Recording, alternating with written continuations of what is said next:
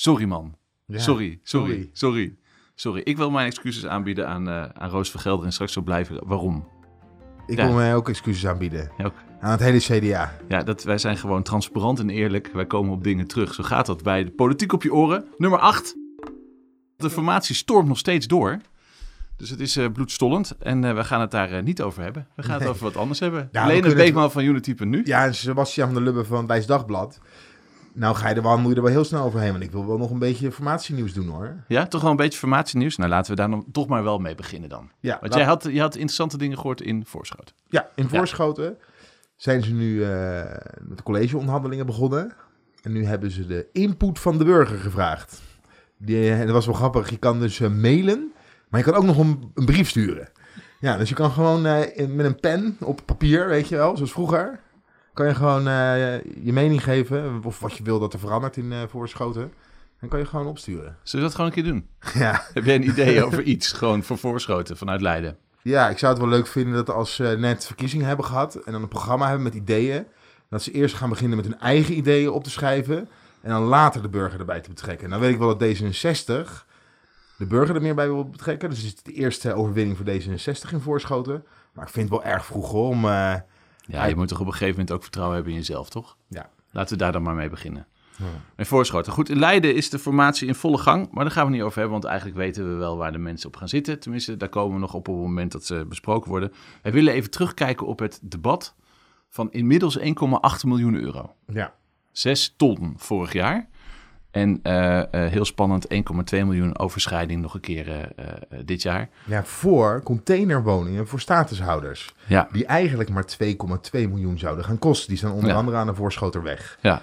Ja, 2,2 miljoen zou dat kosten. En er is ondertussen dus 1,8 miljoen bijgekomen. Ruim 1,8 miljoen. Nou, ik ben eens in de, in het, een beetje in het verleden gedoken van, de- van het hele plan. Want dat is natuurlijk op zichzelf is het een redelijke meesterzet. Hè? Als je in 2015 besluit van joh, we hebben heel veel vluchtelingen en die moeten we huisvesten. En dat gaan we niet doen ten koste van de voorraad sociale woningen in Leiden.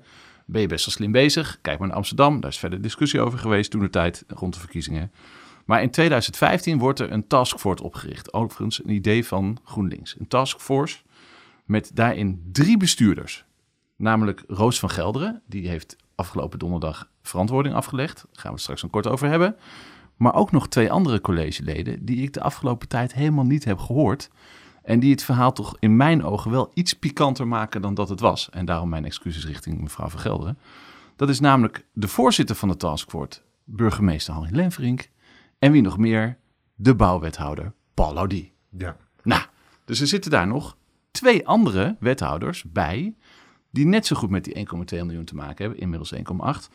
En ik kan me niet voorstellen dat Marleen Dame, oud-wethouder, nu nog wethouder van Financiën. en inmiddels ook fractieleider van de PvdA.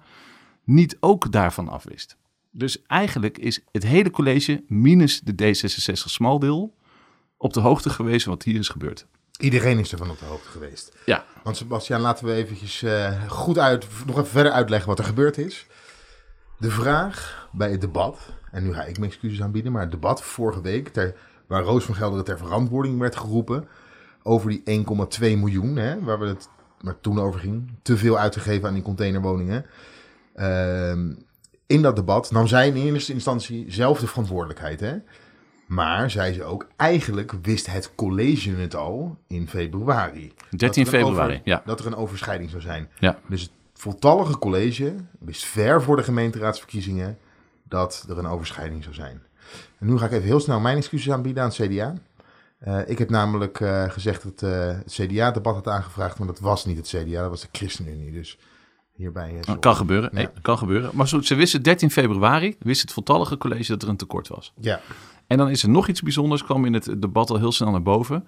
Er was afgesproken bij de vorige overschrijding van 6 ton, dat er, zodra er weer meer informatie bekend zou zijn, dat dan eerst de tijdigheid van de informatie belangrijk is en daarna pas de volledigheid. Met andere woorden, als we niet precies zouden weten hoeveel er overschrijdingen zouden zijn, moest dat gewoon gemeld worden aan de raad. ja. En daarna En dat is dus niet gebeurd. nog een keertje over gehad, bij de 3 miljoen van Marleen Dame, die Marleen Dame kwijt zou zijn. Hè? Ja. Ehm, eh, rondom het project in de Stevenshof. Eh Stevenshof was het, hè? Ja. Ja, ja. Toen is ook nog een keer gezegd, wij willen, ook al is het nog niet volledig, wij willen direct geïnformeerd worden. Ook al weet je nog niet alles hoe het ervoor staat. Ja. En wat gebruikte Roos in het debat om te verantwoorden dat ze de raad niet op 13 februari al ingelicht had? Ja, we waren nog niet volledig op de hoogte van hoe groot het tekort zou zijn. We wisten dat het een flink tekort zou zijn, maar het had, het had eh, 8 ton kunnen zijn, zei ze. Maar het had ook 6 ton kunnen zijn, of het had veel meer kunnen zijn, wat het dus uiteindelijk was. Ja, en daar, dat schoot dus de gemeenteraad in de, het verkeerde keelgat. Maar nu is het interessante wel dat je dus een afspraak hebt die wordt overtreden. Je wordt niet geïnformeerd. En toch gebeurt er iets in die raad heel raars. Er komt een motie van treurnis. Er komt geen motie van wantrouwen.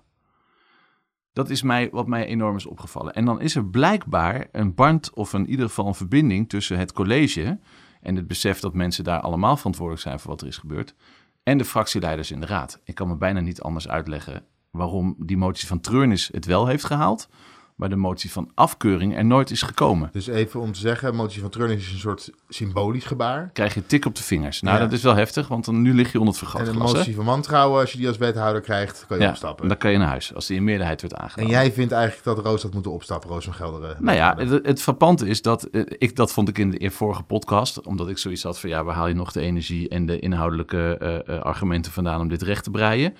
En dat blijkt ook wel, want dat heeft ze donderdag niet gedaan. Ze heeft het niet recht kunnen breien, want ze heeft steeds verwezen naar een rapport wat er nog gaat komen van de gemeentesecretaris.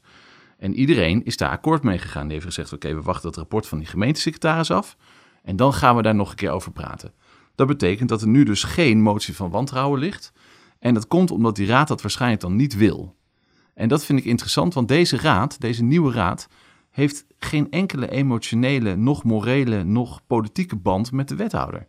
Behalve een tekort van 1,2 miljoen, waar ze in februari al van afwist, maar pas op 27 maart de raad over informeert. Maar ik, eh, sprak, Doodzonde is een doodzonde. ik sprak eh, Doreen Verbree, eh, Ja. fractievoorzitter van de VVD, na afloop. En Pieter Krol, die het debat aangevraagd had van de ChristenUnie. Die zeiden allebei, ja, het heeft niet zoveel zin om nu een demissionair wethouder naar, naar huis te sturen. Ja, demissionair wethouder is wel interessant, want dat heb je in het staatsrecht niet op de gemeenteniveau. Eh, we hebben geen demissionaire wethouders. noemen. Zo Ja. kunnen we het noemen. Maar ja, weet je, er zijn ook zat demissionaire ministers weggestuurd omdat er iets verschrikkelijks aan misging. Hè? Het gaat wel over inmiddels 1,8 miljoen. En deze laatste 1,2 miljoen, daar heeft zij, de raad, moedwillig niet over geïnformeerd. Ja. Ik vind het ook slappenhap, om het even zo te zeggen. Ja, Ja. kijk, politiek is meer. Eh, of, eh, nou ja, het is geen. Politiek is meer dan alleen maar ehm, eh, symboliek. Het is ook. Je moet ook laten, want dat is eigenlijk zo'n motie van treurnis. Je moet echt je standpunten durven te verdedigen. En ook op het moment dat, je, dat er iets gebeurt dat niet kan, ja, dan moet iemand daar de verantwoording voor nemen. Ja. En wethouder Roos van Gelderen, die zei, ik ben politiek verantwoordelijk. Dus die trok in het begin van het debat, eh, trok zij de verantwoordelijkheid naar zich toe, waarbij ze eigenlijk de overige wethouders eh, eh, het wind uit de, zeilen nam. Vervolgens worden er allerlei vragen door de raad gesteld, die niet beantwoord worden.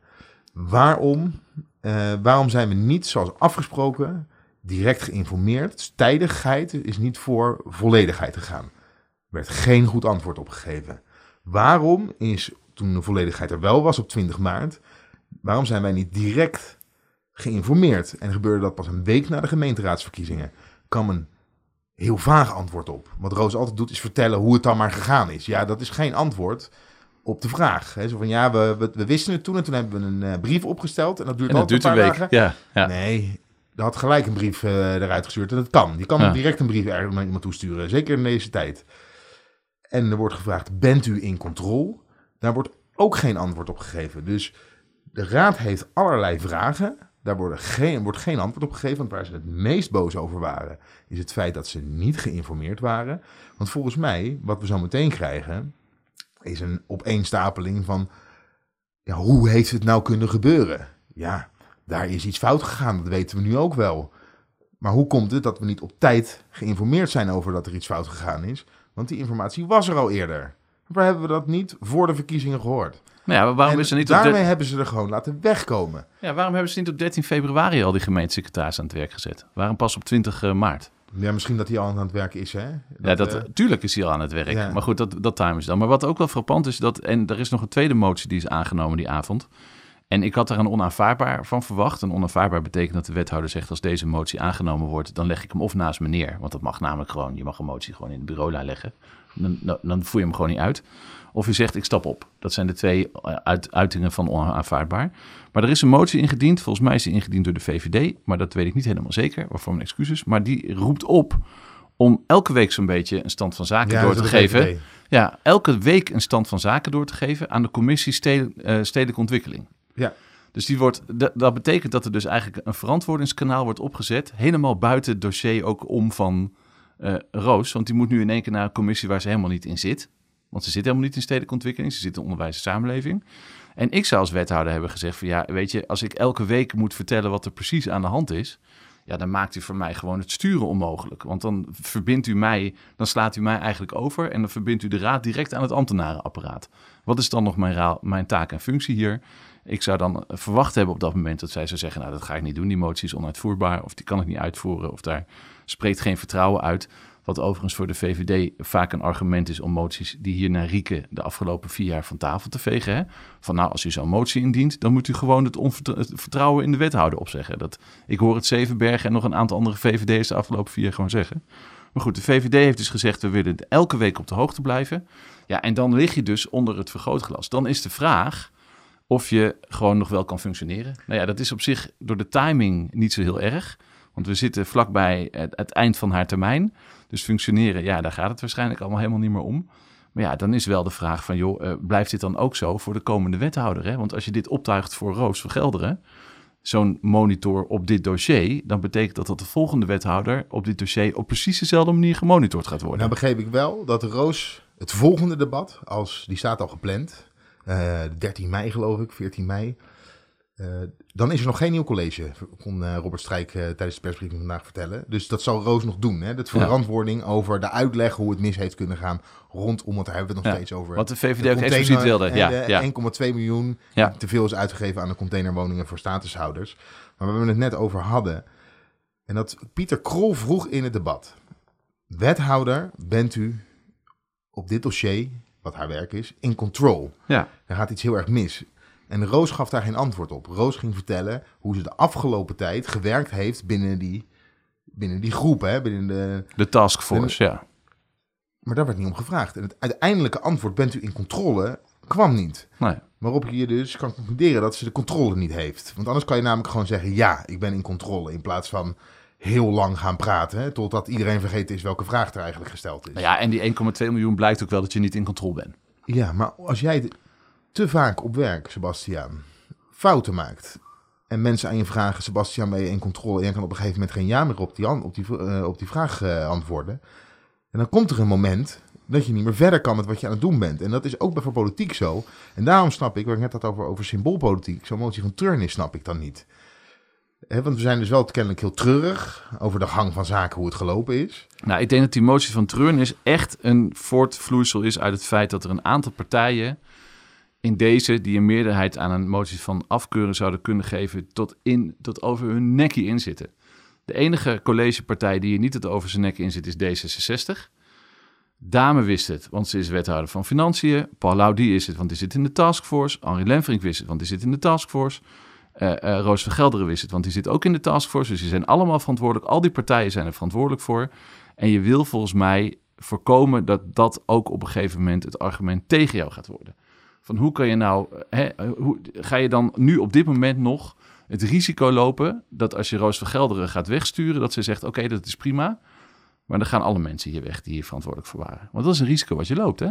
Dan zegt ze gewoon van waarom, waarom wordt het dan alleen mij verweten? We zaten er met z'n drieën bovenop. Ja, maar zij had in het begin al de verantwoordelijkheid genomen. Hè? In het begin van het debat Omdat ze waarschijnlijk ook al in overleg, het collegepartijen, in overleg oh, met de fractieleiders, wisten dat er een treurnis zou komen. Ja, natuurlijk. Dat vermoed ik wel. Dus het was allemaal, we hebben daar weer voor Jan Dol gezeten bij die vergadering. Nou ja, een motie van, een motie van treurnis betekent dat alles wat er nu gebeurt onder het vergrootgas terechtkomt.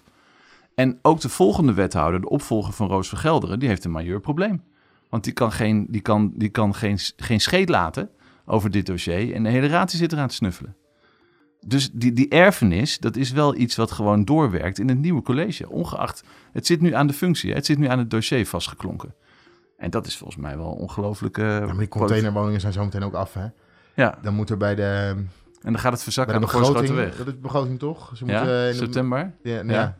Ja. ze, moeten, eh, ze moeten eigenlijk in de begroting van vorig jaar moet er een post gemaakt worden waar deze kosten in. eh, Ja. dus dat komt allemaal wel goed. Dit, dit sleept niet heel erg lang eh, sleept dit door. Nou ja, totdat het blijkt dat bijvoorbeeld er in de bouw wat mis is gegaan. Voor Schotenweg schijnt uh, ongelooflijk ingewikkeld te bebouwen zijn. Hm. Dat zakt allemaal weg. Dus daar zit nog wel een enorm politiek risico in, volgens mij. Ja. Maar goed, we zien het. 13 mei.